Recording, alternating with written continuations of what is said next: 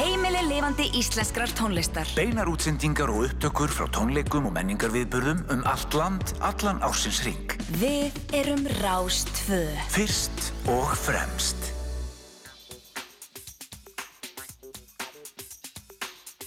Komið þið sæl og blessuð. Þá leggjum við að stað hér á Rástvö. Þetta er þátturinn fram og tilbaka og ég heiti Felix Bergsson.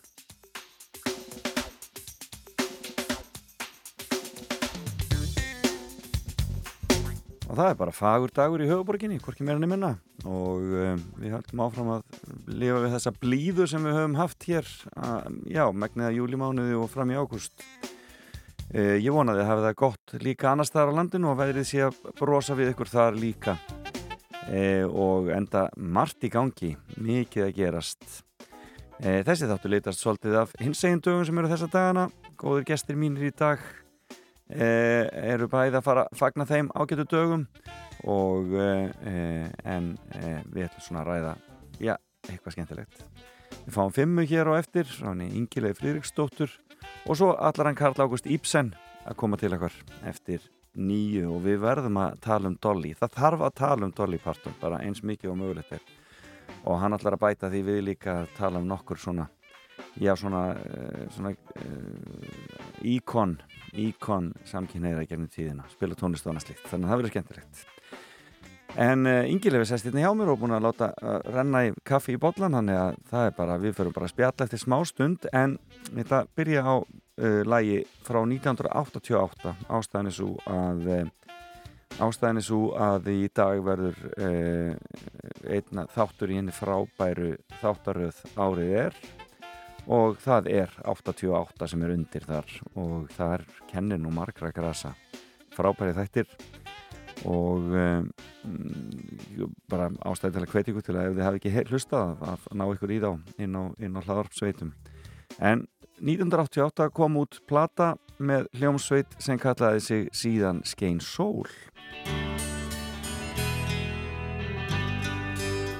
Aðteklisvægt nafn á hljómsveit en dátti það nú eftir að breytast síðar en það er önnur saga. En uh, þar er eitt lag sem er nýjast algjörlega frábært. Það heitir Svo marga daga. Take it away, Helgi Bjós Barnum þitt grætur einmann er sást að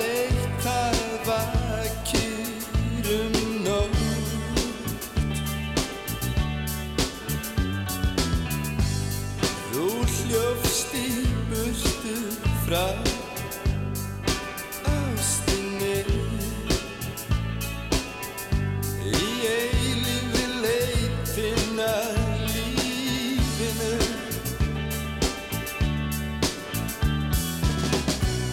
Svo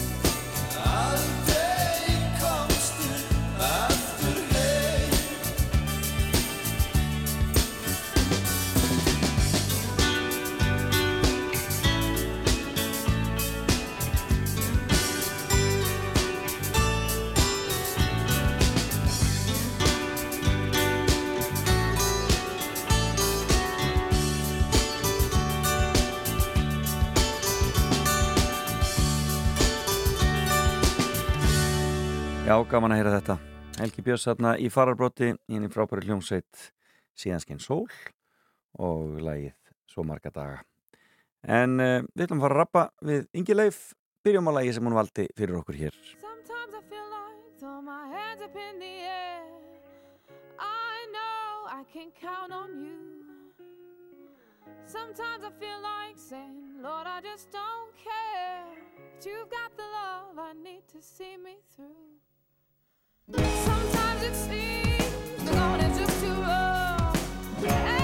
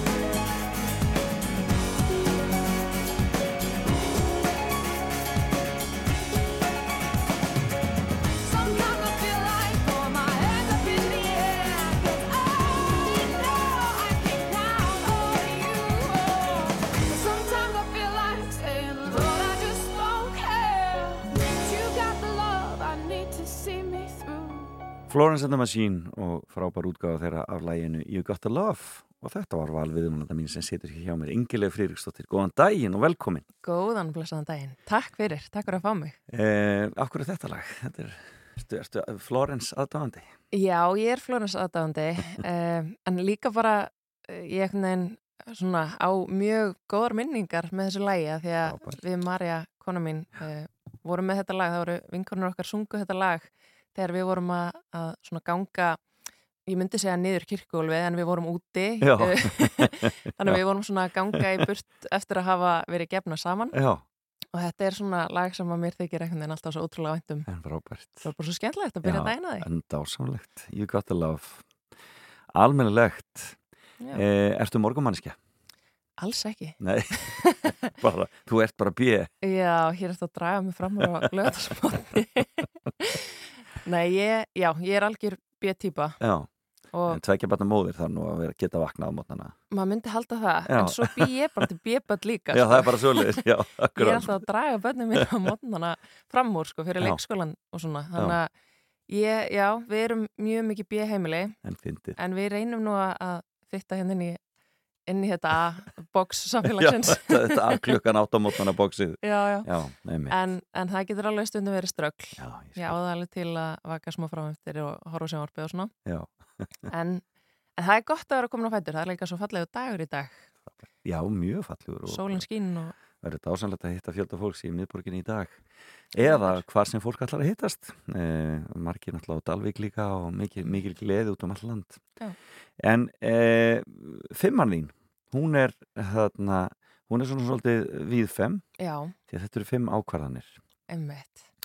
þannig að eigum við ekki bara að byrja á fyrstu ákvarðun Jú, svona skella okkur í þetta? Já, ég svona læðist svolítið yfir þetta. Hvað, hvaða ákvarðanir hafa svolítið svona marka líf mitt Já. og haft, haft þau áhrif að ég er hér í dag. Mm og fyrsta ákvörðunin sem ég ætla að nefna sem er í rauninu bara mjög lítil Já, eh, ákvörðun hún leita af sér mjög svona stóra og, og afdreifaríka hluti fyrir mitt líf.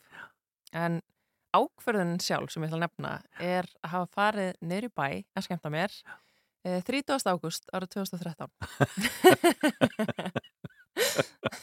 ákveðunum að fara á jammið Já, ég menna þetta, þetta hefði ekkit endilega, uh, þú veist, Nei, nei, verið ákvörðun sem ég ætlaði að taka. Ég hafa búin að vera að skemmta mér með vinnufjölögum og, og hefði nú svona undir venlegum kringumstæðum bara fara heim, en ég ákvaða svona, æ, ég skelli mér niður í bæ. Já, og þetta er svo merkilegt með svona litlar ákvarðanir sem að maður svona tekur eiginlega bara í ykkur svona hálkæringi já, hvað er geta samt haft ótrúlega einhvern veginn svona, veist, það er svo, svo margt sem að leiðir af þessari pínulitla ákvörðun. nákvæmlega. Hvar varst að vinna á þessum tíma?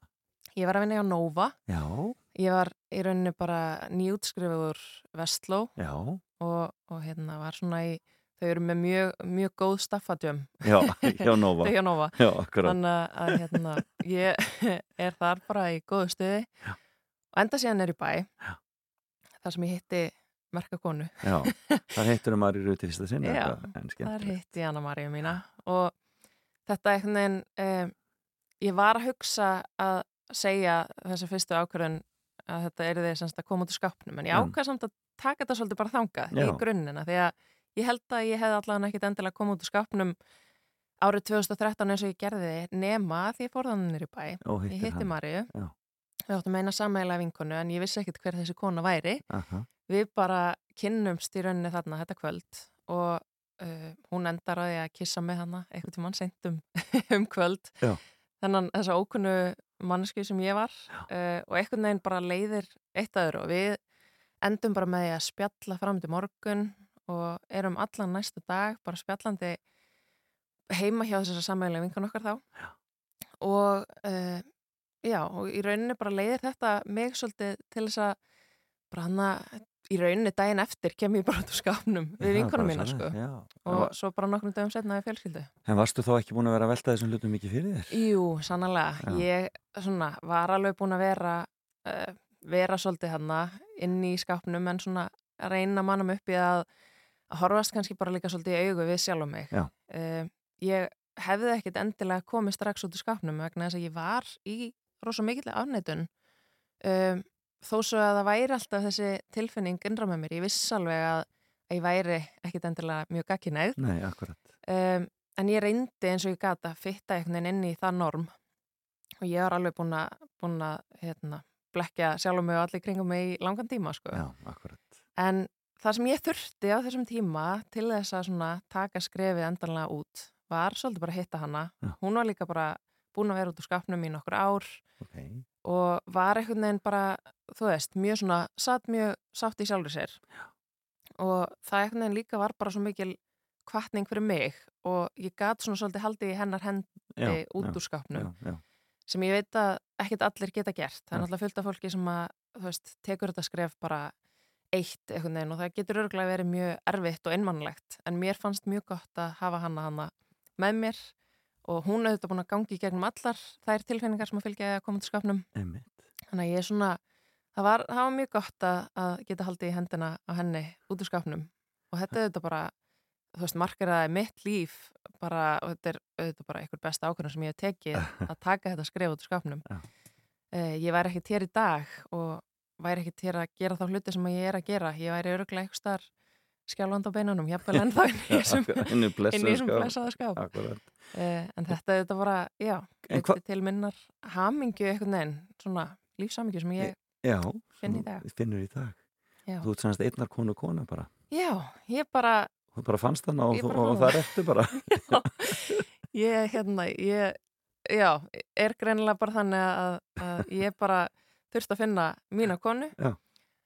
Og uh, svona, já, það var alveg svona það kveikna alveg bara svona á ljósaperu í hausnum á mér uh, þetta kvöld, sko, ég get alveg sagt það heðarlega, ég, þó svo ég hafi verið að velta þessum hlutum lengi fyrir mér, fyrir þetta að þá svona var þetta stundin þar sem Já. ég hafa bara ok, nú skil ég allt. Nú skil ég hvað alla vinkonum mínar hafa verið að tala um þegar þær eru að hitta ykkur stráka og þær Já. finna fyrir ykkur tilfinningum. Akkurat, ég einhvern veginn hef bara verið að rembast eitthvað við þá, það, það, það er enga tilfinningar sem koma. Nei, ég alveg kistu ykkur stráka en ég bara, ég, það, það var aldrei neitt sem að kveiknaði einhvern veginn innra með mér. skil, svo kemur þessi þessi pía og bara alveg snýr Heiminum á á kól hvolf. sko. af því þú ákvæmst að fara á djamið já, af því ég fór neyri bæ. Og það er núna, það eru komin tíu ár síðan í ár.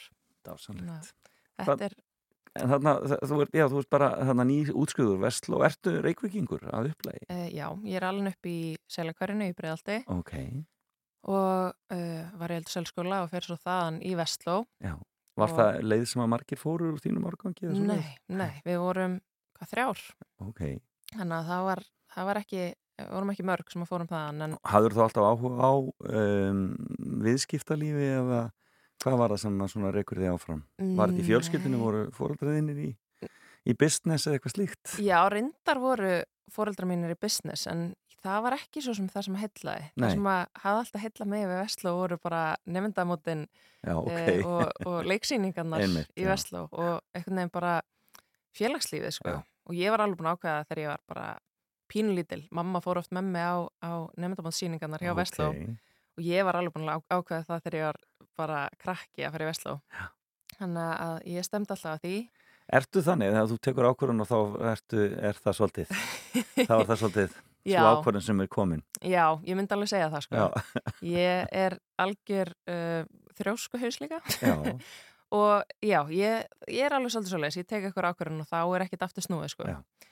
Þannig að ég fór í Vestló og alltaf kynntist bara mínum bestu vinnum þar og, og bara átti ótrúlega góð fjögur ár. Já, akkurat. Þá var ennþá fjögur ára mennskóla nám, Já. nú er þetta árið þrjú Þrjú ár. náttúrulega. Já, já, nákvæmlega. En ég er mjög svona þakklátt fyrir mín fjögur ár þar Já. og svo bara útskrifaðist ég þaðan og ég var svona, svona þegar ég hugsa samt tilbaka uh, Vestló gaf mér alveg dásamlegar minningar og þetta er bara frábær skóli og ég bara sé ekki eftir því eina sekunda að hafa farið þangað en hins vegar er og var alveg á þeim tíma, kannski sérstaklega, ég veit að þetta er búið að breytast í dag Já. en það var rosa svona einsleitt Já. allt Já, og einmitt. ég gerði alveg mitt besta til þess að reyna að falla inn í inn í það box einhvern veginn. Við vorum svolítið í því bara að klæða okkur öll eins og, og, töluðum eins og, og, og veist, vorum öll bara einhvern veginn svolítið að, að svona fljóta með sama strömmnum. Eh, þannig að það var svo sem ekkit mikið svona sem að, þú veist, mér fannst ekkit rosalega mikið rými kannski til þess að stíga út fyrir það. og vera öðruvísi í rauninni. Nei, Já, þannig að og það kannski segir alveg ákvæðan að söga að við vorum sko þrjú í uh, mínum árgangi sem að komum út úr skápnum sko sumar eftir. Sumar eftir, já, akkurat. Það þegar umhverfið í Vestló kannski var ekki það sem að Nei, opnaði á það. Nei, Nei. en eins og ég segi, ég veit alveg að það er breytt í dag Já. og sem betur fyrr, það Akkurat. er komið hins einn félag í Vestló Já, og einmitt. hvað eina sko. En á þeim tíma þá, einhvern veginn var ekki, við vorum ekki alveg komin Nei, akkurat. uh, hann að, að rýmið kannski var ekkit rosa mikið á þeim tíma en, en svo einhvern veginn útskrifast ég og allt í einu bara uh, losnaði um hlekki Já. hjá mér og ég fattaði líka kannski bara að það er allt í lagi að vera ekki alveg fastur inn í þessu þessu bóksi og það er auðvitað bara já, besta ákvörðun sem ég hef tekið á minni æfi að taka það skref sko. Og það náttúrulega hefur bara, já, eh, einhvern veginn, bara, þú veist, hamingjan einhvern veginn og bara svona ástin líka sem ég fann innra með mér, sem ég held kannski að ég myndi aldrei finna, Akkurat. kom svolítið bara þarna, sko.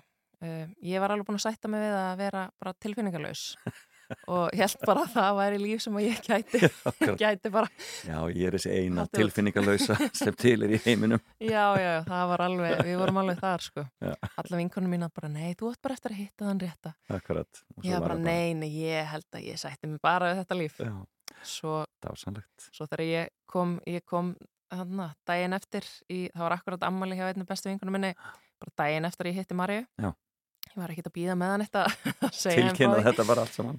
Þá svona, þá einhvern veginn fóru púslinn að smetla svolítið líka hjá þeim. Þær voru bara, já, nú skil ég allt saman.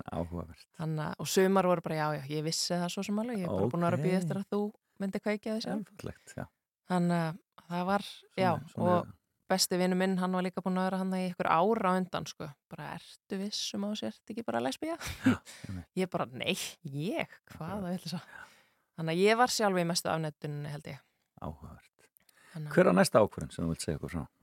Herðu, næsta ákvörðun sem ég ætla að segja ykkur frá er að hafa valið að fara í lögfræði Já. en verða ekki lögfræðingur. Já, um, það er svona eina af þessum ákvörðunum um, eins og ég segi, ég held svolítið bara út þegar ég tek ykkur ákvörðun ég fór hann í Vestló og, og hef alltaf verið svona svolítið mikið um, það hefur svolítið verið imprintað í mig að fara þessa hefðbundnu uh, mentaleið. Mhm, og ég var alltaf bara góðu nefandi í, í grunn- og framhaldsskóla og einhvern veginn, mér fannst bara mjög raugrétt að fara í eitthvað svona mjög praktíst háskólanám. akkurat.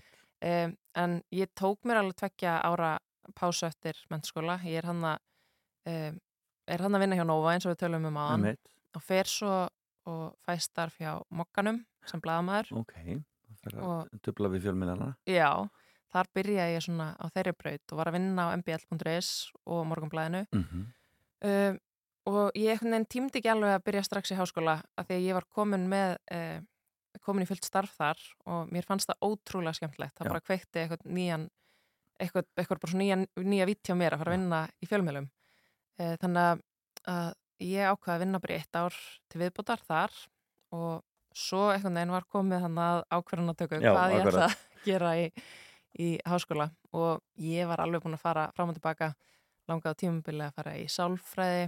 Svo einhvern veginn var svona blundaði samt í mér að fara jafnvel bara í eitthvað listnám.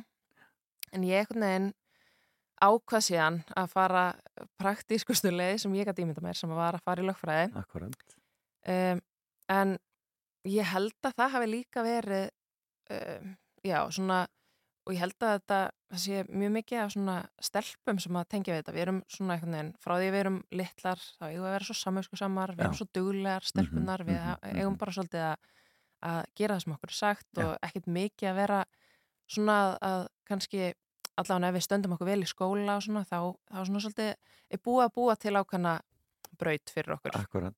og, og ég kannski, já, var ekki drosa duglega í bara að, að hugsa út fyrir bóksið. Ég var föstinn í þessu svona normi, kannski líka, e, já, eins og, eins og ég segja að hafa þurft að koma út úr skápnum einhvern veginn og brjótast út úr í, ekki þurft að koma út úr skápnum, bara að geta koma út úr Já, skápnum. já, akkurat. Ég var svona á öllum sviðum lífsmín svolítið föstinn í þessu normi. Já.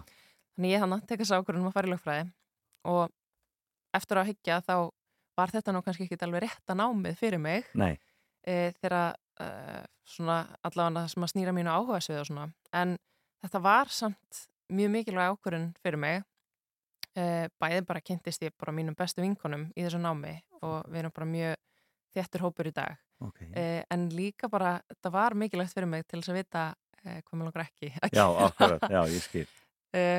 ég er svona En kláraður námi, kláraður lögfræðin? ég kláraði BA gráði í lögfræði, ok. ég byrjaði í mastersnáminu en kláraði það svo sem ekki að því að þá var ég komin líka svolítið djúft út í Í fjölmiðlana? og og, og svona það sem ég hef verið að gera Einmitt. þannig að ég ákvaða að taka pásu Og hún er ennþá í hún gangi. sagt. stendur enn Já, þannig að hver veit, kannski þrjóskast ég og ákveða að klára þetta nám einn En margir, en margir tala um að lögfræðin sé samt svona líkill inn í ímislegt annað, skilur, þú skiljir samfélagi betur og þú skiljir betur svona, þú veist, Mm. einhvern veginn, grunn, grunngildin einhvern veginn. algjörlega og ég sé alls ekki eftir því eins og ég segi, þetta er eina af mínum ákvörðunum sem Já. ég er með hér vegna þess að þetta er ákvörðun sem að ég tók og er mjög ánæði rauninni með að hafa tekið vegna þess að hún líka einmitt uh, lögfræðin er svo, þú veist, hún, hún snertir í rauninni allt Já, í okkar akkurat, samfélagi Akkurat. og líka bara þessi gaggrína hugsun sem ég uh, einhvern veginn lærði þar Já. hefur bara verið mjög mikilvæg fyrir mig uh, sérstaklega sem svona þú veist, ég hef alltaf verið svona smá uh, hvað ég segja, ekki kannski alveg einstefnu manneski en ég, þú veist, ef ég býti eitthvað í mig þá er ég alveg tilbúin að taka slægin út í hið óendanlega, Já, sko akkurat. en þarna líka lærði ég svolítið að sjá alla hlýðar máls og vera kannski, þú veist, ekki alveg svona þrjósk þegar að ég er búin að taka eitthvað ákvörðun Akkurat. heldur að reyna að sjá svona alla hliða málsins og svo líka bara allt sem að maður lærir í lögfræði það hefur nýst mér í öllu sem ég hef gert uh, bæði bara í samningagerð og, og svona alls konar sem að uh, já, sem ég, veginn, þessi, þessi lögfræðilega hugsun hefur nýst mér. Já, og kannski líka í svona, í svona þessari mannréttabaróttu og, og kannski, já, og svona pólitíkinni sem að þú ferða, ferða ástunda. Var það alltaf í Algjörlega. kringum þig he heima hjá þér í breyðoltinu? Var, var fjölskyldan pólitísk eða var, var verið að ræða þessa hluti? Í rauninni ekki. Nei, Um, uh, jú, jú, það var auðvitað alls konar rætt á Já, mínu já. heimili en, en ég er ekki frá svona einhverjum aktivistum komin, sko. Hvað hva, hva áttu mörg sískinni? Sko, ég er engabann fóreldra minna Ok, en uh, mamma átti bróður minn fyrir og Ok. pabbi átti líka tvo sinni fyrir ok. sem að, þannig að já, að já, þrjá bræður, hálfbræður en þeir eru allir miklu eldri en ég ok. um, það munar sko átján og 20 árum Það er bara svoleiðis. á mill okkur, já, þannig að ég er alveg alin í raun upp sem engabann Já, já. bjó aldrei neitt annar á heimilinu með okkur akkurat. fóreldrum mínum og þau voru búin að reyna, leina, lengi, vá, lengi að reyna að eignast mig. Þannig að þú ert mikið draumabatt þegar Já. þú kemur í heiminn. Ég kem bara algjört óskabann, Það sko, og er eina stelpan, þannig að ég var mikið degur á mínu heimili. Já, fullt af, fullt af pöppum. Já, það var alveg, alveg nóg af degri Já, á mig, sko. En, en þau svona, um, já, eru auðvitað, jújú, jú, með skoðanir á, á hlutunum og allt það, en, en það var svona ekki verið mikið svo sem að ræða endilega Eða eitthvað svona mál, við, sko. við, við eldursporðið. Nei, við vorum meira bara í því að hlæja og hafa gaman auðvitaðsporði. En ég hef samt alltaf verið með þe- þessa einhvern veginn svona brennandi þörf fyrir einhvern veginn réttlátt samfélag Já, innra með mér og Akkurat. alveg frá því að ég var krakki, ég var alltaf í einhverjum, ég var alveg tilbúin að taka slægin um, um hinn ímsu mál Já. og er alltaf einhvern veginn verið þessi rosalega réttlátt skend. Fyrir höndbekjarins svona. Já, Já, þú veist, Hennar er rósangjarn að, að standa upp og, og, og, og láta í sér eira. Já, og ef einhver var vondur við, þú veist, aðra krakka og svona, þú veist, og ég lendi nú svo sem alveg í því sjálf, en þá, þú veist, ég var alveg tilbúin að standa upp fyrir sjálfur mér og, og öðrum um, sem að jafnvel var alveg til, uh, svona, til þess gert að espa krakka svo sem meira upp, Já. en, en ég var alltaf, þú veist, og ef það voru einhverju krakkar sem að kannski það var verið að stríða eða svo leis, Já.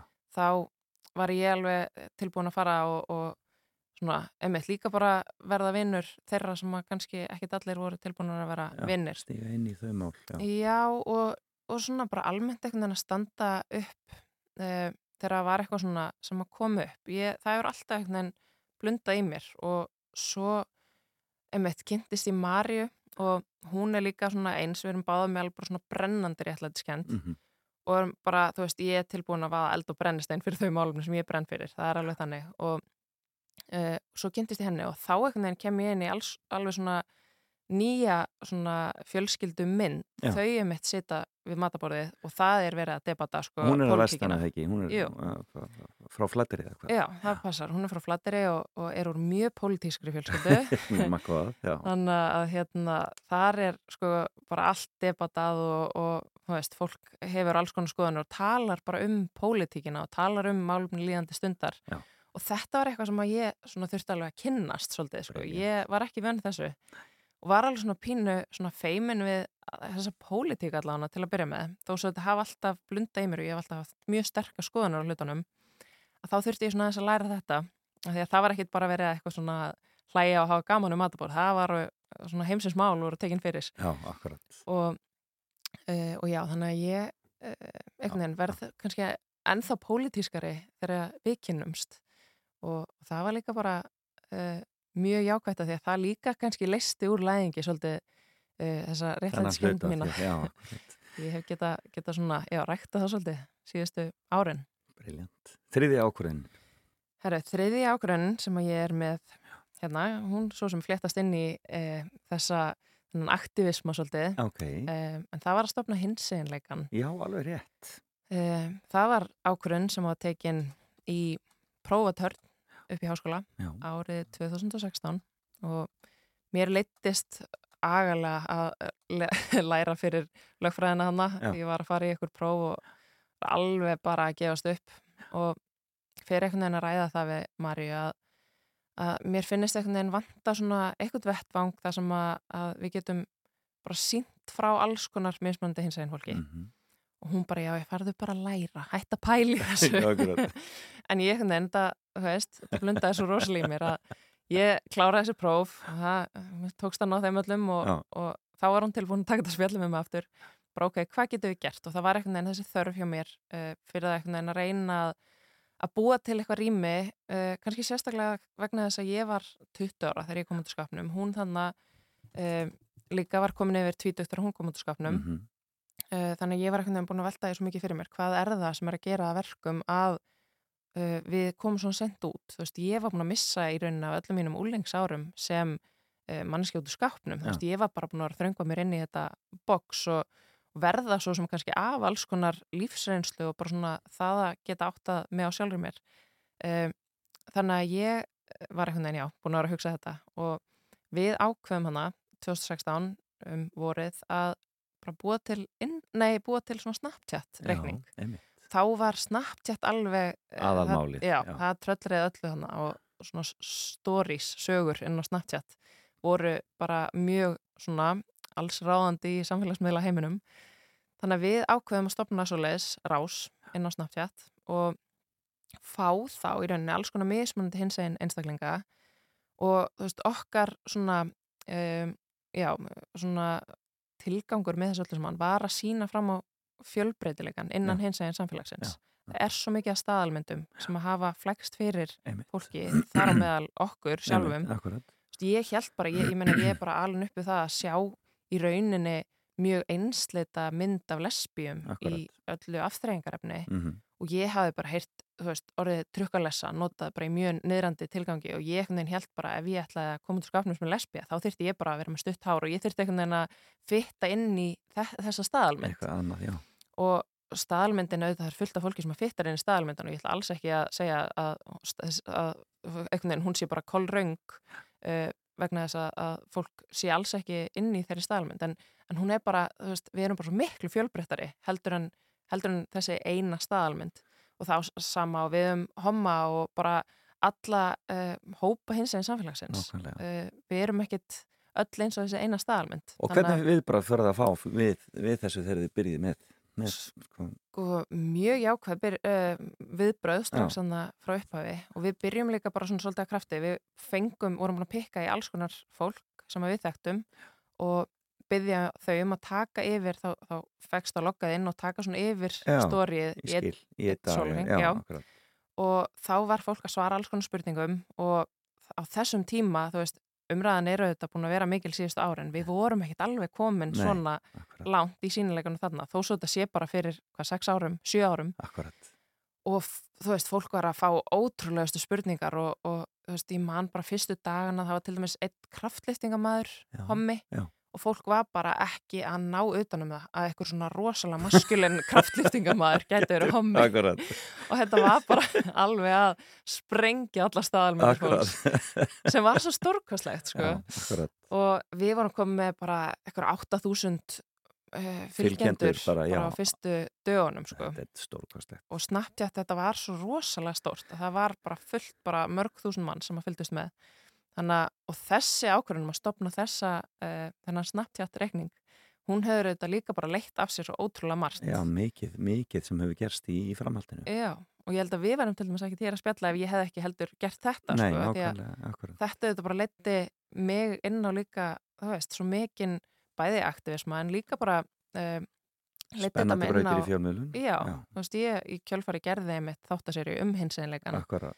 Um, gerði podcast hérna á Rúf við erum Akkurat. búin að gefa út tvær barnabækur þetta er allt svolítið svona í nafni hinsenleikans uh, vegna þess að þetta, er, þetta eru svona málefni einmitt sem að brenna svo rosalega á mér einhvern veginn og okkur og þú veist, mér langar svo mikið að geta búið til jarðveg fyrir fólk til þess að fá að vera nákvæmlega eins og er frá bara, þú veist, alveg frá því að það átta sig á því Akkurat. Ég, þú veist, Nákvæmlega. minn draumur er alveg að fólk þurfu ekki að vera orðið fullorðið til þess að geta og þóra að taka skrefið út úr skapnum eh, Áhugavert. heldur að fái bara einhvern veginn að gera það frá unga aldri þannig að þetta er svona stór ákvörðun sem að, sem að já, Litað allt sem eftir kom. já, svolítið sko Og við hefum eftir að ræða það aðeins betur. Við skulum taka okkur smá pásu. Fá Já. annað lag sem þú valdir.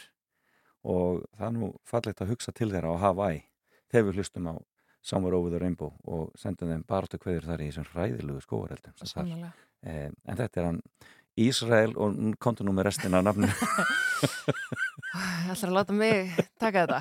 Kamakaole. eitthvað svoleiðis svo höldum við Ingi Leif Friðristóttir áfram að spjalla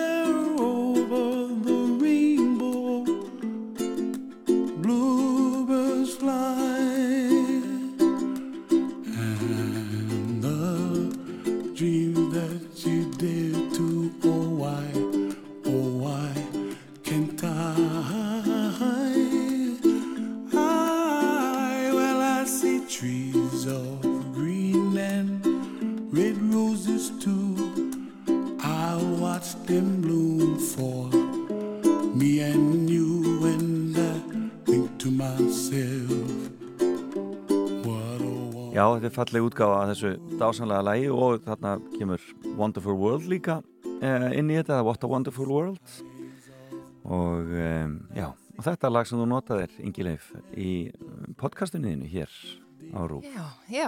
að- hins einleika podcastinu. Já, ber bara heitið hins einleikin. Já. Það sem ég fekk meðal hans þig í Vittal. Er nákvæmlega, nú það snýst alltaf við hérna. Það er, er það ekki alltaf þannig, þetta, þetta fjölmeira fólk alltaf tala hvert. Já, Þarna, þetta er bara svo ótrúlega fallegt, fallegt lag. veginn, þessi regnbúa skýrskotun, mér þykir eitthvað ótrúlega bara væntum þetta allt. já, þetta er fallega gert.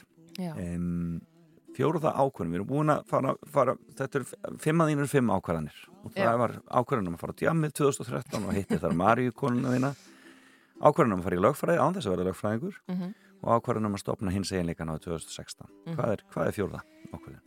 herðu, fjórða ákvörðunin uh, er að ákveða að eignast börn, Já, því að það er ekki eitthvað sem gerist óvart hjá okkur Maríu. nei, Það er bara, er eh, eitthvað sem að þarf að taka sannlega ákvörðun um. mm Uh, ég reyndar fekk eitt bónusbatt þegar við kynntumst. ok, Þá átti hún 5 ára gamlan strák já, sem var í dag er hann sko 16 ára úlingur. dilegt Eh, þannig að, um, það að fyrir okkur að ákveða að stækka okkar fjölskyldu uh, var bara ákverðun sem við þurftum að taka og við vorum alveg búin að tala svolítið fram og tilbaka um það og Marja var ekkit endilega uh, hana langaði ekkit endilega í fleiri bönn þegar við kynntumst. Uh, og, og var svona uh, búin að upplega það sjálf að eignast bann uh, 18 ára. Var mjög óvart, óleitt Já. um, og það er einhvern veginn svona, hún var, já, allavega ekkit vissum, þú veist, þannig er hann, þú veist, þegar við erum að kynnast er hann bara orðin svona svolítið mikill krakki Já, já. allt í einu og hún svona kannski farin að finna frelsi aftur í því að vera ekki með lítið bann þannig að hún svona, eins og ég segi, var svona á báðamáttum uh, nema svo gerist það uh, árið 2000, að- 2018 í mars 2018 að ég februarmars að ég fæ uh, bara algjörlega upp úr þörru erum bara sofandi heima og ég bara vakna við svona rosa yfirþjálfandi tilfinningu og svo Mm. bara detti ég út og þá Já. bara fer ég inn í bara svona grandmal flók sem að Mari einhvern veginn bara uh, þurfti að horfa upp á og, og breyðast við. Já. hún alltaf bara ringir í sjúkrabíl ég var, fór semst í mjög svona stórt flók ok. Og þetta er mjög ógögjandi Já. eh, hef ég heyrt. Ég náttúrulega hef ekki séð, Séð þetta, þetta, nei, nei, sjálf akkurat. en hún bara held ég að vera að deyja. Já. og ég bara er fróðufellandi og bara það rennur blóð út um munnum á mér og þetta er já, allt til óhugnulegast mál. Og uh, enginn í rauninni uh, svona aðdraðandi líkamlegur hjá mér. En svo fer ég að hitta lækna og svona og, og það byrja allir að spyrja já, ertu búin að röndi miklu álægi ertu búin að sofa reglulega, ertu búin að borða reglulega? Mm og ertu í ykkur rútínu? Og þarna er ég bara algjörlega sko fyrsta lagi eh, kafi við að skrifa björðgerðina mína. Ég er komin á fullt í sjónstáttagerð uh, ég er með hinseginleikan og ég er að gera bara í raunin allt og mikið. Já. og ég er kannski án þess að fatta það sjálf í hausnum á mér þá er líka með minn bara að segja svolítið stopp Já, akkurat og ég var þarna bara búin að fara yfir mín mörg uh, og fer þannig í þetta flóðakast og En er, ertu þá floga veik eða er, er ertu með að fá Sko- greining á því að það sé eða hvað? á þessum tímapunkti er í raunin ekki gefin greining Uh, það var, þú veist, mér sagt hann að ég upphæði bara já, þú veist, þetta gæti verið bara stakt flóg og það þarf ekki að vera að þú sért flógaveik. Já. Nema hvað, síðan förum við, giftum okkur hann þetta sumar, förum í brúðköpsferð og við erum komna til Mexiko í brúðköpsferðin okkar þegar ég fæ annað flóg nei.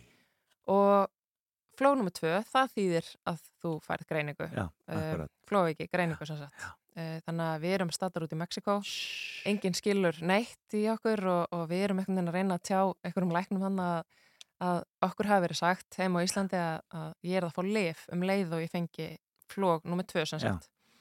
Og við erum hann að lendum í algjörum algjöri háskaför hann út á ég fæ þetta flóg semst í rútu vorum að leiðin inn í sko um, frumskóin í Mexiko og Já, hérna. og þetta var, já, þetta var svolítið skröðlegt en það sem að gerist sem sagt þarna er að ég vakna upp úr þessu flögi maður svona alveg dettur svolítið út í Akkurat. svona flóakast og verður eiginlega hálf meðutundalös svolítið tíma eftir á uh, og ég detta nút og svo bara ranka ég við mér inn í þessari rútu. Það er komin ykkur hjúgrunafræðingur sem var í rútinu og Mari einhvern veginn að það er einhvern veginn bara að bórast yfir mér og ykkur að reyna að hella yfir mig vatni og ég veit ekki hvað og hvað. Já. og ég opna augun inn í þessari rútu og ég sé bara Mari einhvern veginn tárvota að fyrsta sem hún segir við mig þegar ég vakna upp úr þessu flögi er gerum þetta bara. Og ég bara, ha, ha, hvað er þetta að segja? Eignum spörn ég veginn bara alveg ringlu skildi ekkert hvað að Já, gerast. akkurat. Að þá einhvern veginn fekk hún þarna þessa tilfinningu um það að lífið væri bara eitthvað svo hverfilt Já. hún hafði í annað sinn að sjá mig í flögi og ég einhvern veginn búin að tala með alltaf. Ég hafði alltaf haft hann draum, mér langaði að vera ólétt. Mér Já. langaði að ganga með bann Já, og, og stækka fjölskyldun okkar og hún hann búin að vera pínu á bremsunni eins og ég var búin að tala um. Einmitt. Að þarna einhvern veginn fekk hún bara einhvern veginn þessa hugljómin, bara mér langar ekki að, að þú deyir án þess að fá að, að upplifa þinn draumum að ganga með bann og að við getum stækka fjölskyldun okkar. Akkurat. Sem betur fyrr, þá uh, var ég ekkert að fara að deyja. Nei, uh, ég þurfti bara að fara á lif vegna þess að þannig bara komið ljós að ég er flóavegg Mhm. Og ég er búin að vera að lifja um síðan og ég hef ekki fengið svona Og Ekki fengið svona stór flók síðan Nei, nei, en, en akkurat. þetta var svona Og börnin orðin tvö börnin búin að bætast við, já, tvö börn búin að bætast við, sannlega og, og eins og ég segi, það er, það er ákvörðun sem við þurfum að taka. Já. og við höfum verið læknavísindunum mjög þakkláttar og, og höfum líka bara verið mjög hefnar og ég tek þessu alls ekki sem sjálfsögum Nei, hlut. ég veit að það er fullt af pörum eins og okkur sem að, að, að geta ekki gert þetta, hafa ekki í gegnum tíðin að geta gert þetta, það er nú bara ekkit svo langt síðan þetta var bara bókstæðlega ekki hægt. Nei, nei, það var bara ekki leifilegt Nei, þannig að- að ég er mjög þakklátt fyrir það að þetta uh, hafi gengið og við vorum mjög hefnar þetta gekk í fyrstu tilraun með bæði, bæði litlu krílin okkar. Þannig að- Tíminn hleypur frá okkur Já, Við heyrðu. eina ákvörðin eftir Ein ákvörðun eftir. Það er senast ákvörðun sem Já, ég ætla að nefna Já, og sem hún kemur reyni smá kjölfara af þessu öllu saman. Já, En það er að hætta að drekka áfengi. já Já, já, Það gerir ég í rauninni bara beint þarna í kjölfar þess að setna flóakast. já. Uh, uh, það er í rauninni bara vegna þess að fyrir að fyrsta þá getur áfengi verið mjög stór kveikja Já. að mitt um, og mér er sagt það strax af, af læknum að það sé, þú veist, ég þurfu bara að vera mjög meðutum að ef ég ætla að drekka að, að gera það svona svolítið í hófi og, og allt það, en ég einhvern veginn ákvað bara, kannski líka bara því þetta var ekki þannig sko mm, hluti af mín lífi drikja að mér finnist ómögulegt að sleppa því Einmitt. Uh, en ég ákvað bara, þú veist, að mér langaði bara að taka þetta út. Ég, ég vil ekki vera að auka á einhverjar uh, líkur á flogi, sérstaklega eigandi börn og allt þetta. nákvæmlega Uh, þannig að ég tek þessa ákvörðun uh, og Marja svona svolítið í kjölfarið, bara hann eitthvað um nokkru mánuðum setna, ákveður að- að fylgja mér í þessu. já, Þannig að við höfum ekki drukkið síðan og það eru komið núna fimm ár já. síðan. Uh, bara, já, og saknaði þess, ekki Nei, bara alls ekki. Mér finnst þetta bara vera í rauninni einn af bestu ákvörðun, ákvörðunum sem ég hef tekið bara á, á lífsleðinni sko. og finnst ótrúlega dýrmætt að geta líka bara verið allskáð og geta stokkið til ef eitthvað kemur upp hvort sem að ég er búin að vera einhver staðar nýri bæ eða hvað af því að við förum alveg á djamið sko, við getum alveg dansað og, og allt. En að geta alltaf verið til staðar ef eitthvað kæmi upp á hjá úlingunum okkar til Akkurat. dæmis Einmitt. eða börnunum okkar eða hvað sem það er að geta bara stokkið upp bíl og, og uh, já, veginn uh, verið til staðar og og verið 100% já, og ég líka bara svona uh, Þetta er líka það bara, veist, bara áfengisneisla er bara gríðarlega mikið líðheilsuvandamál og er, Já. bara, er heilsufars vandamál. Já. er eitthvað sem að við, við þórum ekki að, við svona uh, forðumst að ræða. algjörlega sko og ég er núna alveg svo sem upp af uh, óvirkum alka, pappi búin að vera óvirkur núna í 31 ár Ok. hann er einu ári eldri en ég, hann Já. setur marka og þess vegna hann hefur alltaf talað um það því við vorum að tala um það áðan að ég verð svona svolítið óskabann Já. að loksins þegar hann verður etru þá, þá kem ég undir sko. Þannig að hann hefur alltaf litið á það sem algjör að gjöf dásanlegt. og ég er alveg alin uppi það að, að veist, það er mikið, ég var á veist, miklu svona etru heimili Já. og ætlaði mig svo sem ekkit endilega að drekka sjálf. En svo einhvern veginn kem ég inn í þetta mentaskóla umhverfi, Já, það er nákvæmlega. mikill hópþrýstingur um að drekka og ég bara gerði það og fannst það svo sem alltaf mjög gaman þegar ég hafði gaman. En það, þú veist, getur líka bara verið hundleðilegt að vera þunnur og, og kannski drekka það svo mikið og svona. Eh, þannig að ég tók þessa ákvörðun þarna fyrir fimm árum síðan og það var alveg til að byrja með smá svona áskorun Já. að fara í gegnum eins og bara fara neyri bæ Einmitt. og bara ákveða það að fara á dansgólfið og dansa Já. og þú veist, maður þurfti svona alveg pín á manns uppi það til að byrja með uh, en svo bara er uh, leyndamáli það að það er engin að pæla í neinum öðrum, það var engin á dansskólinu sem horfði á mig bara, "Pff, er hún að dansa Akkurat. hún er ekki full, bara hvað er þessi pía að spá þetta er einhvern veginn, við erum oft svo mikið sjálf í hausnum á okkur, höldum einhvern veginn að þetta sé mjög einhvern veginn óyfirstíganlegt að geta einhvern veginn bara að fara í karogi eða geta bara gert bara eitthvað pínu kjánulegt án þess að vera búin að drekka Nákvæmlega. en þetta er bara, þú veist, það eru bara ákvarðanir sem við tökum sko. Mér finnst það bara ótrúlega skemmtilegt og Dásanlegt. bara, Og sá- sáttu þessa ákvarðan og sáttu þessar ákvarðanir allar sem þú hefur nefnt hér. já ég held að þetta séu svona þær ákvarðanir sem að hafa svolítið leitt mig þangað sem ég er í dag og mótað mótað mannskjöna sem ég er Og þú ert að vinna í gríðarlega spennandi þáttaröðu núna já, um uh, bakslægið eins og það er kallað. já, þetta er Hvar, er, hvar mun hún byrtast þegar það kemur? hérna rúf Hér Rúf, já. Já, þetta er hérna þáttaröð sem að það var búið að blunda svolítið í mér uh, að fjalla um þessa hatusorðaði Já. og þetta bakslag sem hefur verið að eiga sér stað í garð uh, alls konar jáðarhópa í samfélaginu okkar Einmitt. og uh, ég er búin að tala við sko, hvað, örgulega fjórðatug einstaklinga frá svona ymsum kemum samfélagsins sem hafa orðið fyrir barðin og hattusorðaði en líka bara sérfræðingum sem að er að greina svolítið Já. þetta bakslag og þetta er bara búið að vera stórkoslegt uh, svona og mikið hjartansmál þannig að það er verið að klippa, klippa sér einu núna Já. og hún, það stendur til að hún verið tilbúin í lokárs komi hérna á rúf þannig að ég hlakka mikið til. Þetta er þungt efni en, en ég held að það sé ótrúlega mikilvægt að, að við tölum um þessi mál og síðan meðvituð. Tökum samtali líka bara við börnin okkar og við fólki í kringum okkar. Akkurat. vegna þess að það er engin að fara fram á neitt mikið, við viljum bara fá að vera við sjálf. Nákvæmlega og það eru góð lokaord Lefi Madonna að klára þetta hjá okkur. Kæra þakki fyrir komuna í eh, fram og tilbaka, Ingele Friðriksdóttir. Takk fyrir að hafa mig.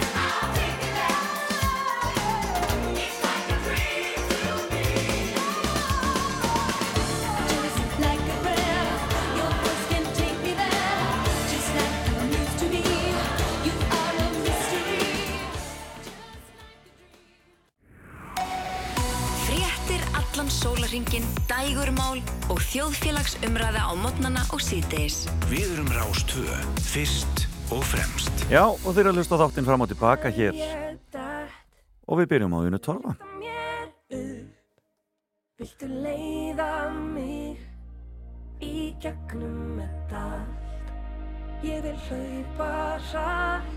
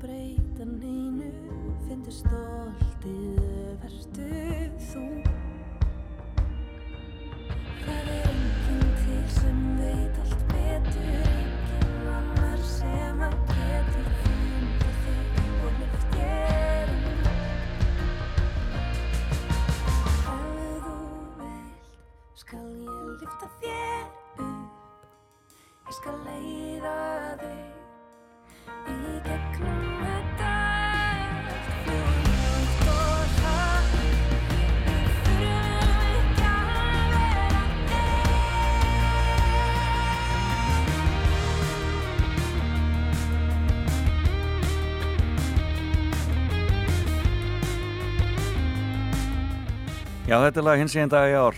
Þú veit Stormur og þetta er Una Torfa og um, e, já, þetta er bara þrusa, algjör þrusa. Gaman að lægi sem enda svona á gítarsólu. og Una verður á pallinum e, niður í bæ í dag að flytja þetta lag og sjálfsagt einhver önnur af sínum, sínum sinni frábæru uh, já, sí- sínum frábæra katalóg og um, það verða stór sjó í dag, bæði þarna í bæ og svo auðvitað stóra sjóið á fiskiteginu mikla í kvöld sem að fyrir í gómar er á fullu að undirbúa og það verður eitthvað, ég hlakka mikið til að heyra hvaða leinigestir verða þar á ferð. Eh, en eh, við ætlum að fá hann Karl Ágúst Íbsen hér heimsók til okkur eftir smástund. Það er nýjastu fréttir að Dolly Parton og svo auðvitað eitthvað aðeins tengt hins einn dögum en uh, hérna er fyrir að tellis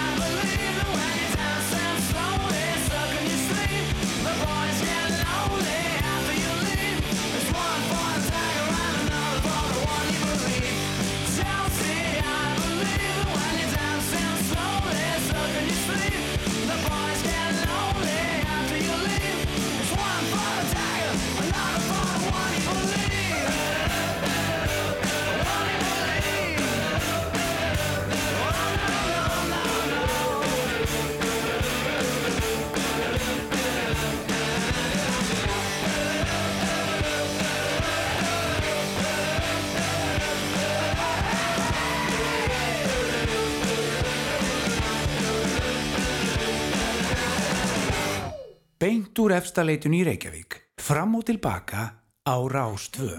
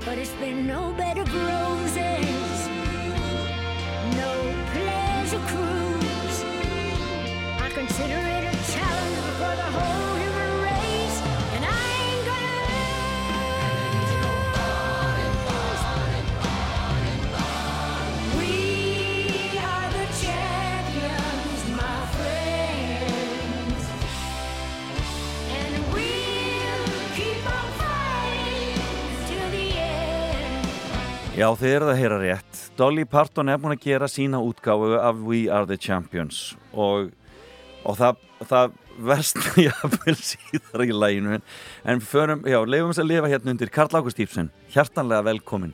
Takk fyrir og gleðilega hátíð. Gleðilega hátíð, já, sko, það er bæði hins einn það og svo Dolly hátíð líka hjá okkur. Það er alltaf Dolly hátíð hjá mér. Alltaf Dolly hátíð hjá þér. Veitu, hvers vegna er hún að gera þetta? Já, hvers vegna ekki? Hún er náttúrulega út nýja plötu Já. sem að kemur þarna, við höfum rætt hana hér áður. Uh, hún kemur út 17. november, 30 rúmlega laga plata sem eru svona ábreyður af frægum rocklögum. Já, og, og, og duettar og svo lýsa ekki. Mjög mikið duettur og svona samstagsverkefni, uh, ekki endilega bara duettina líka, tríó og já, alls konar sko. akkurat, uh, og þetta lag uh, tekur hún reyndar bara ein Já. en uh, það er skemmtilegt að frá því að segja Já, heyrur þetta? Já, heyrðu hvað kemur hér sko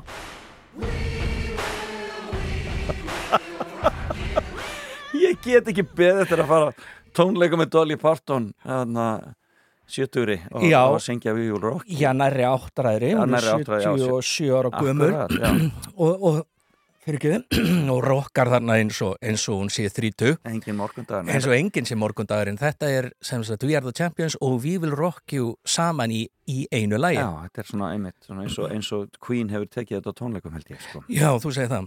En þetta lag, það verður lotað undir uh, allri umfjöllun NBC fyrir, í bandaríkjunum uh, fyrir olimpíuleikana í Paris 2024. ókei. Þannig að þó að þó að kannski fólk hér vítt og breytun landi hafi ekki smekk fyrir svona uh, svona uppákomu þá hafa kannar það. Já. Þetta er að Þeir elska þetta. Já.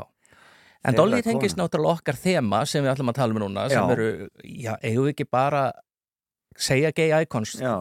Svona hetjur hins eginn fólks. Hetjur hins eginn fólks Dolly hefur verið það uh, eiginlega alla tíð. Mm hún hefur sjálf sagt að hún uh, ef hún hefði fæðst sem kartmaður þá væri hún dragdrottning. Já, og hún er náttúrulega þú svona í lífi sínu í lífi sinu, Já. hún út hún hefur aldrei, segir hún, farið út úr húsi á fullonisárum öðruvísi en stífmáluð og með hárkollu. Nákvæmlega. Og hún sefur stífmáluð og með uh, svona hárkollu einhverja. Já, vegna að ef það kveiknar í þá ætlar hún ekki að láta ná af sér mynd ómálaðri rosaleg. En skemmtilegt. hún hefur líka tekið þátt í dragsjói reyndar. Uh, óvænt að við sengið hún væri þarna. Þetta var uh, svona keppni um hver geti líkst Dolly mest. Já, hún tapaði, hún vann ekki. Hún vann ekki hún lendi í öðru sæti. Hvar var svo kefni? Hún var haldin held ég bara þarna í Tennessee eitthvað staðar eða, já, líklega í New York, ef ekki að segja það. Þetta er stórkostlegt. Hún, hún er stórkostleg. Hún er stórkostleg. Þannig að, já, hún er svona eitt af þessu, en hver, hvers vegna verður þessar hins einn hetru til? Er það aðalega bara fyrir stuðningin eða fyrir Já, þetta er góð tónlistina? spurning. Þetta er, þetta hefur mikið verið rannsakað. Mhm. uh, hvað er það sem að veldur því að til dæmis Barbara Streisand er svona mikið gay icon? Já. Uh, af hverju er Diana Ross það og svo framvegis? Akkurat. Uh, oft er talað um að, þetta, að, til þess að verða svona icon, þú þarf nú ekkert endilega að vera sérstakur stuðningsmaður, það er eiginlega þú ert tekin upp á arma samfélagsins og oft uh, bara verður þau stuðningsmaður í, í framhaldinu. En það er oft á tíðan textarnir eða það sem verið er að syngja Það eru um textarnir og það er líf þeirra, líf Já, þeirra. einmitt. ef, ef, ef að blessaði leistamennir við lifa við svolítið volaði í sínu lífi að þá virðist eins og að við tengjum við það Já, og, og verðum svolítið, svolítið hefina því. Judy Garland er gott dæmi um það sem var ekkit sérstaklega mikill stuðningsmaður. Aldils ekki, ekkert sérstaklega þættur þó og ekki á, þann, á þeim tíma var það náttúrulega bara ekkert hægt. Nei, akkurat. En uh, það var nú alltaf að tala um Friend of Judy og svo framvegis. Það var svona, uh, ef að segja gælunafn yfir, yfir samkynniða Yfir, homma Yfir homma. Já, að þeir varu vinir. Uh, Judy, en næsti listamæður er, er Brandi Carlyle Brandi Karlaður, já. Ég ákvaða að lauma þessu með að því að ekki bara vegna þess að Brandi er í miklu eftirlæti hjá mér og, og mörgum samkynum. Hún er lesbía sjálf, Já. mikill aktivisti. Uh, heldur vegna þess að þessi saga sem hún syngur í þessu lagi, The Story, er mjög falleg. Við skulum kannski heyra hans í því. Ég kemur það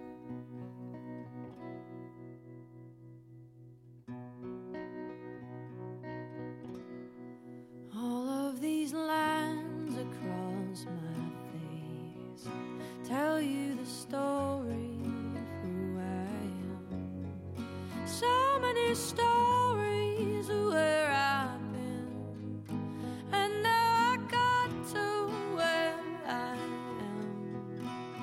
But these stories don't mean anything when you've got no one to tell them to.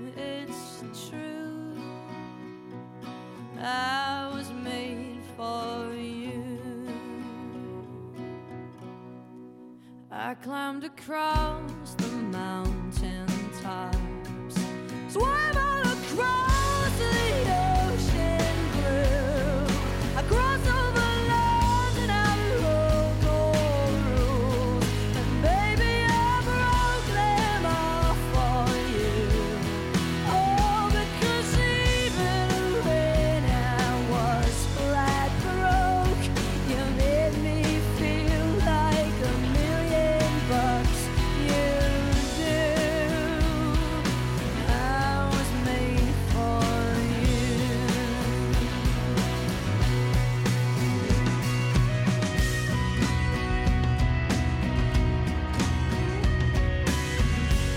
æðislegt. The Story, Brandi Carlyle. Og uh, já, þetta er náttúrulega bara, já, þetta er bara, þú veist, sögur er einskisvirði nema að maður hafi Einhvern einhvern að sér deila við hlið með. til, já, til og, og við náttúrulega við hommanir værum ekkert án lesbíana Já. þær hafa staðið með okkur í gegnum tíðina uh, fastar en fótunum til dæmis náttúrulega og sérstaklega í gegnum. AIDS-faraldurinn og við verðum bara alltaf að muna það og þakka það það er alltaf, það er alltaf að treysta þær Nákvæmlega Uh, ég mæli sérstaklega með þessari plötu The Story en líka supergrúpunni sem hún stopnaði með nokkrum öðrum Já. sem heita The Highwomen og gátt frábæra plötu til samanamni. Það er náttúrulega til heiðurs The Highwaymen Já, ok sem voru Johnny Cash, Willie Nelson uh, Waylon Jennings og Chris Kristofferson. Þessi plata gefur því ekkert eftir, hún er Ok. stórkosleg Já. og ég mæli með því. Ok En það er nú gaman að segja frá því líka að Brandi er kannski unglingurinn í þessum hópi sem ég er að spila hérna. já. Svo næsta er, er, er komin af léttasta skeiði Það eru það allar blessaðar nema Brandi, hún er ekki nema 42 ára Já. en næsta hún er, hún er, hún er öldungurinn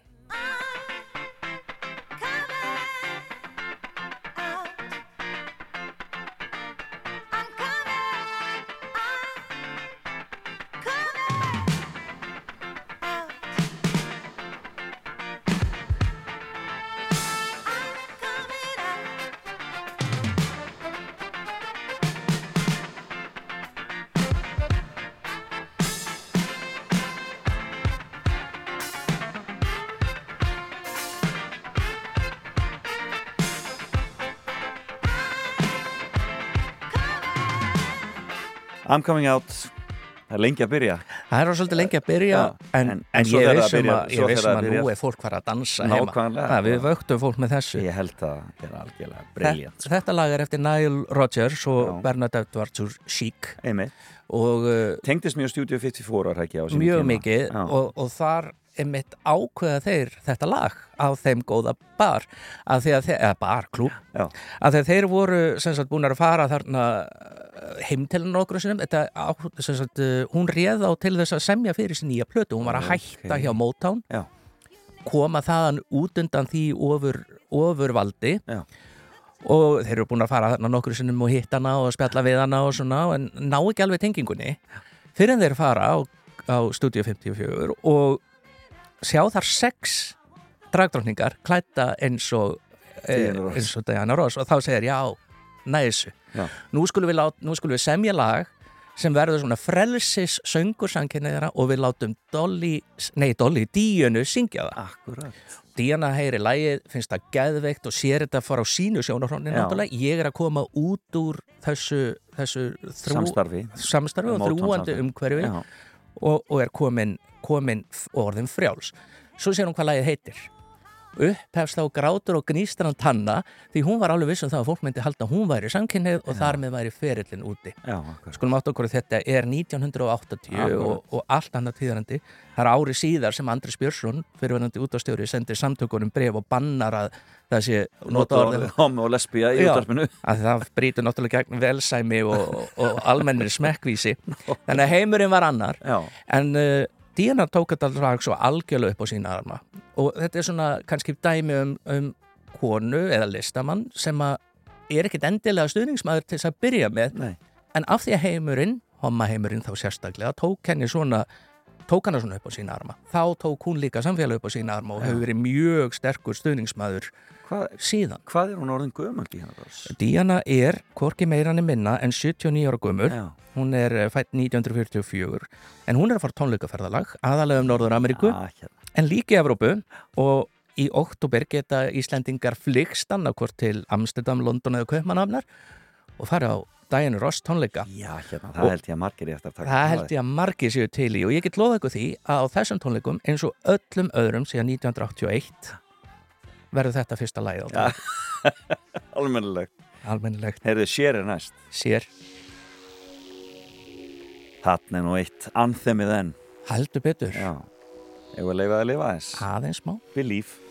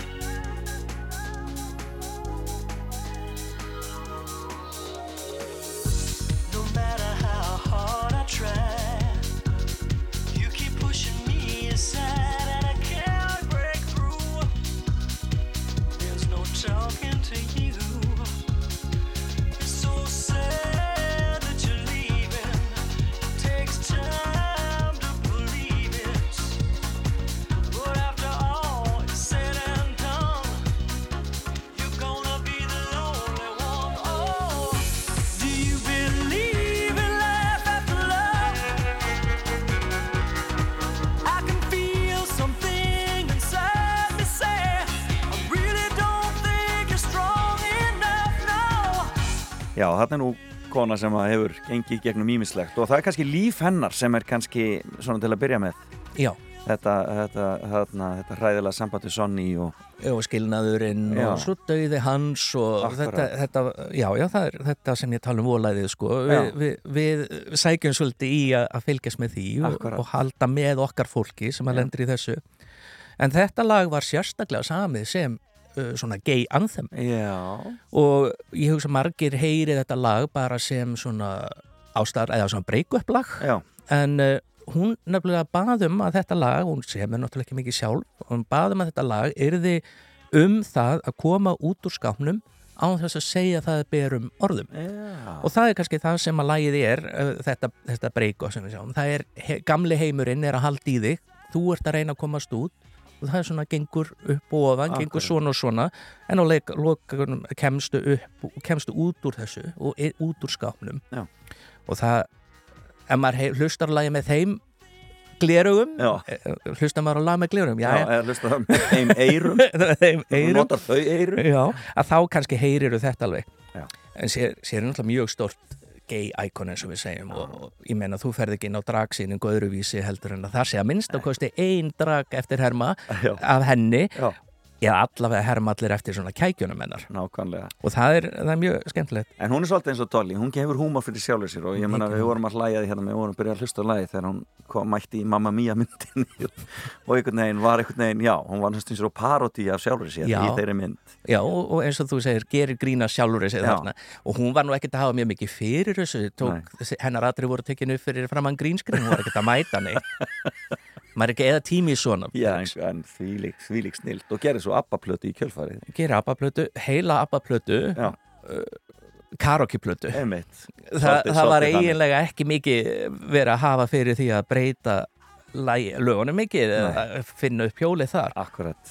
en hún á transson Charles Bono uh, það var gerð heimildamind um það heitir Becoming Jazz og uh, það var svolítið svona átakalegt, hún var ekki alveg til í þetta og uh, en tekur þetta svo allt saman í sátt Já. og, og er sem sagt uh, er svo núna mjög mikil stuðningsmæður svona síns Já. og, og samfélagsins í heild.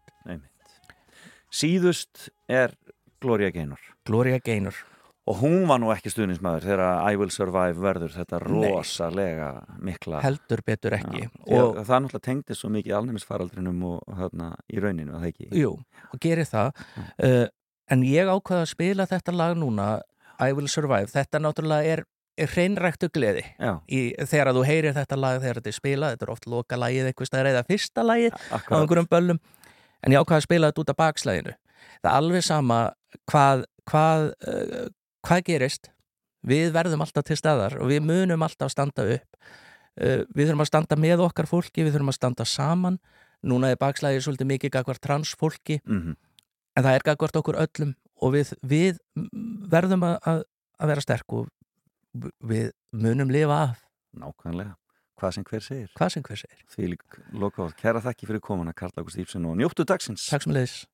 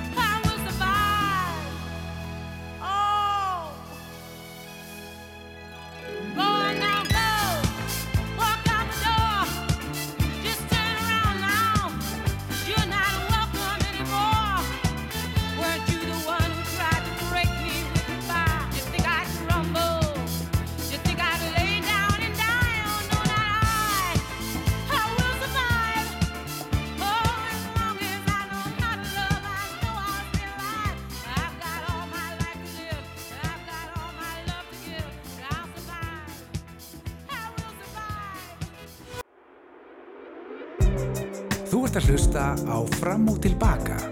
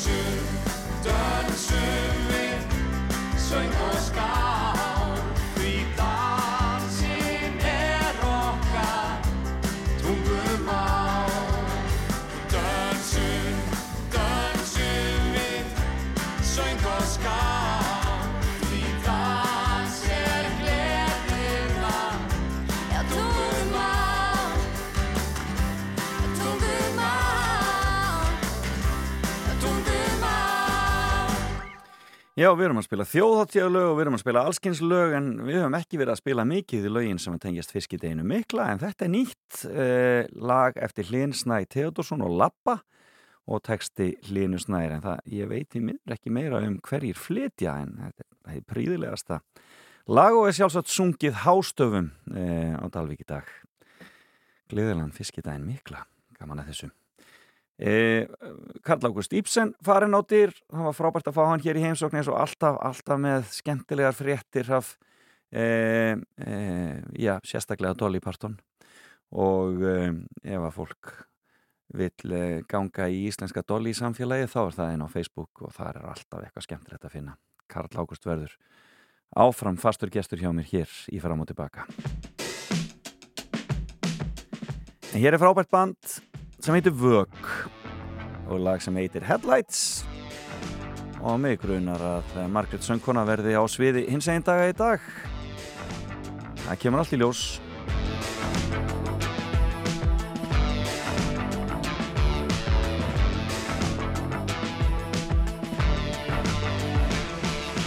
Drive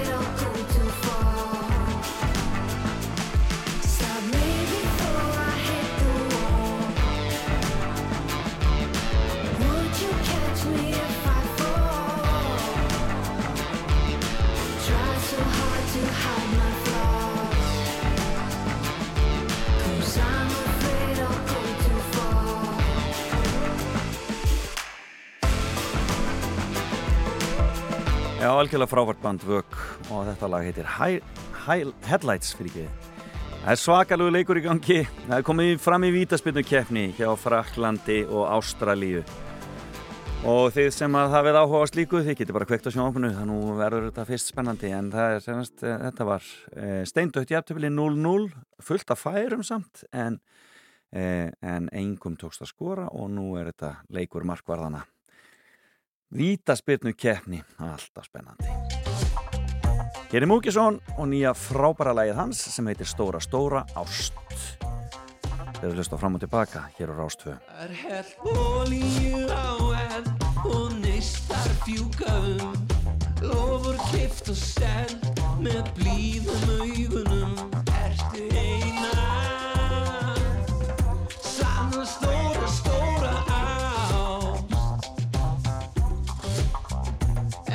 Ertu eina Stóra, stóra, stóra ást Loftið er hlaðið háspennu Meir en orð fálýst Taugabóðin í blóðinu Svo trillt og káttís Ertu eina Sanna stóra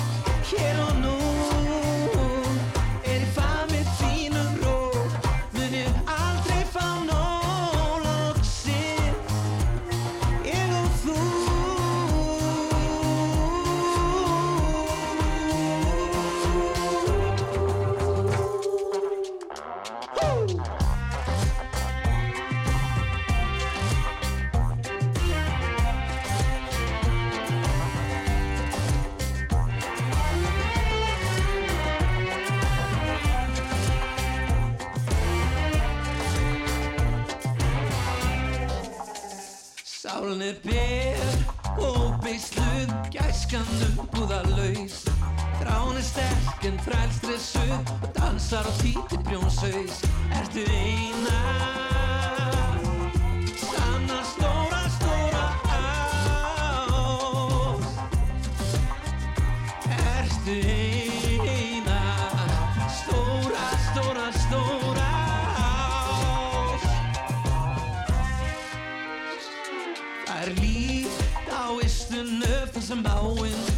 foss.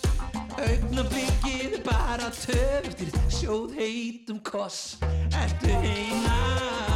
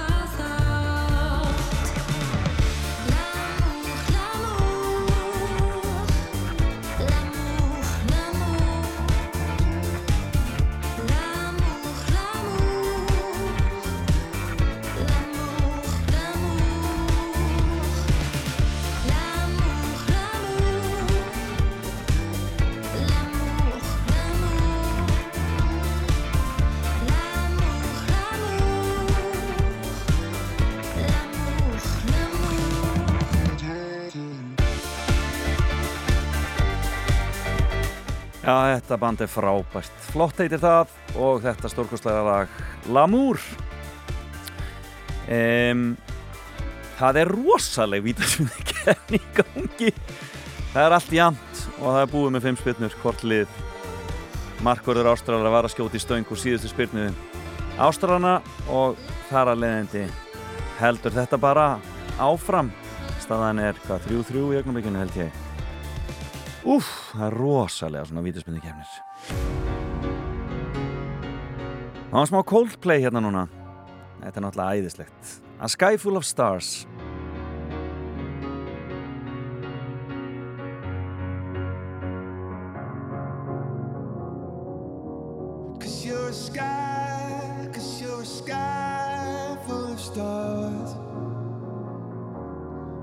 I'm gonna give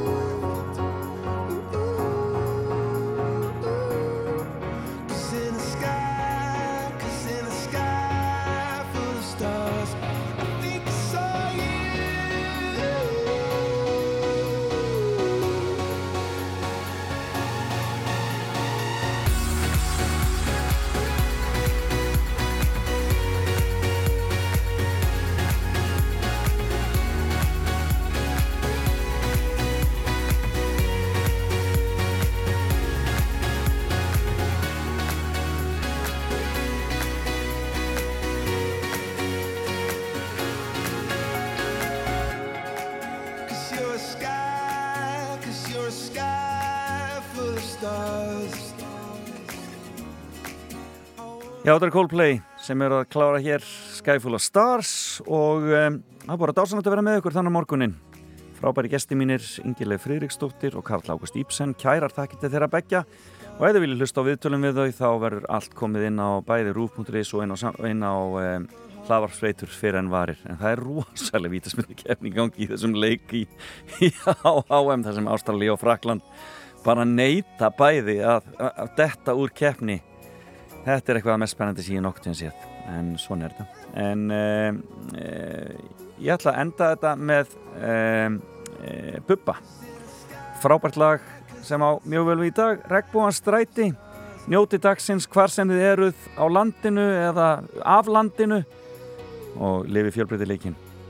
Heyrumst aftur eftir viku, Salkasól tekur hér við og margir fegnir að fá hana aftur heim. Heyrumst eftir viku, bless bless.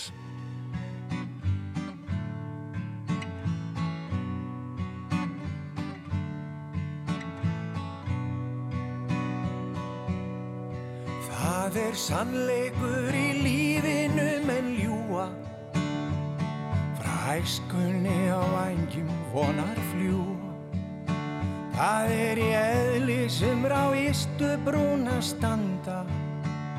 Fyrst þá sem þeim finnist þeir anda. Gefast aldrei upp þó óttinn þeim mæti Í hlýðar götum frá regnbogan stræti.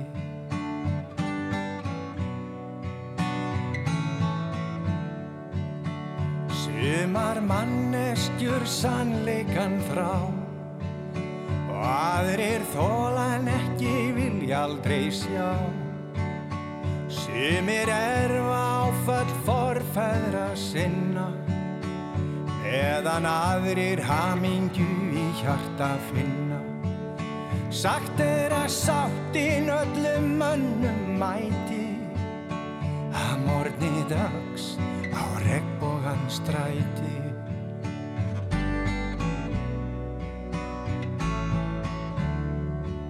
Sýndu mér ást í fangi blára daga Fagnaður sem væri ég gömul saga Við glugga opinn lesin fyrir löngu síðan og í brjósti þínu logaði á stríðan. Ég trú einn dag aftur lausnin þér mæti undir krónum trjána með regnbógan stræti.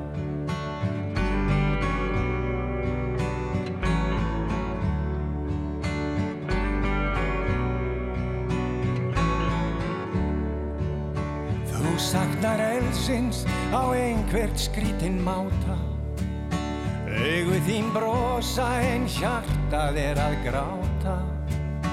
Þó svo lífið faldi leindarmál þín Og skur sásaukans í hlustum ykkar hvín.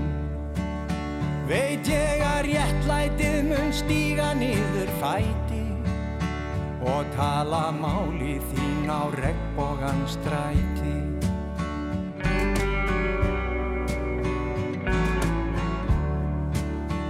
Þeir settu vermið á kærleikan og dróu um höfuð frelsi síns gattavír og hlóu. Byrjuð að gjaldfella orðin eitt af öðru. Og líktu frelsinu við eitur nöðru. Og fyrir sannleikan brugðu þeir fæti. Sorgin býr líka við regnbógan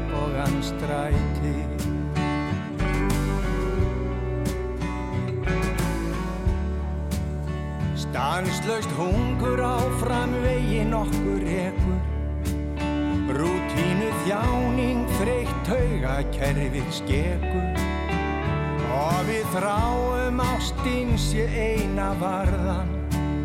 Þó flestir berja höfuð sitt við steinin harðan. Fyrir þá þjáðu verður alltaf löst sæti ef leið þeirra líkur á regnbógan stræti.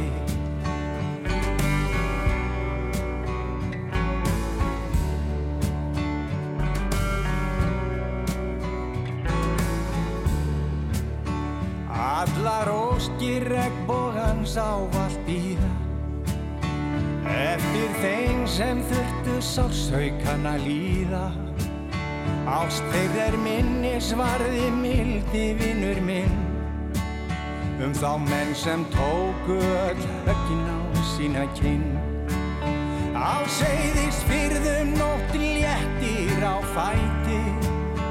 Máluðu nokkri strákar regnbógan stræti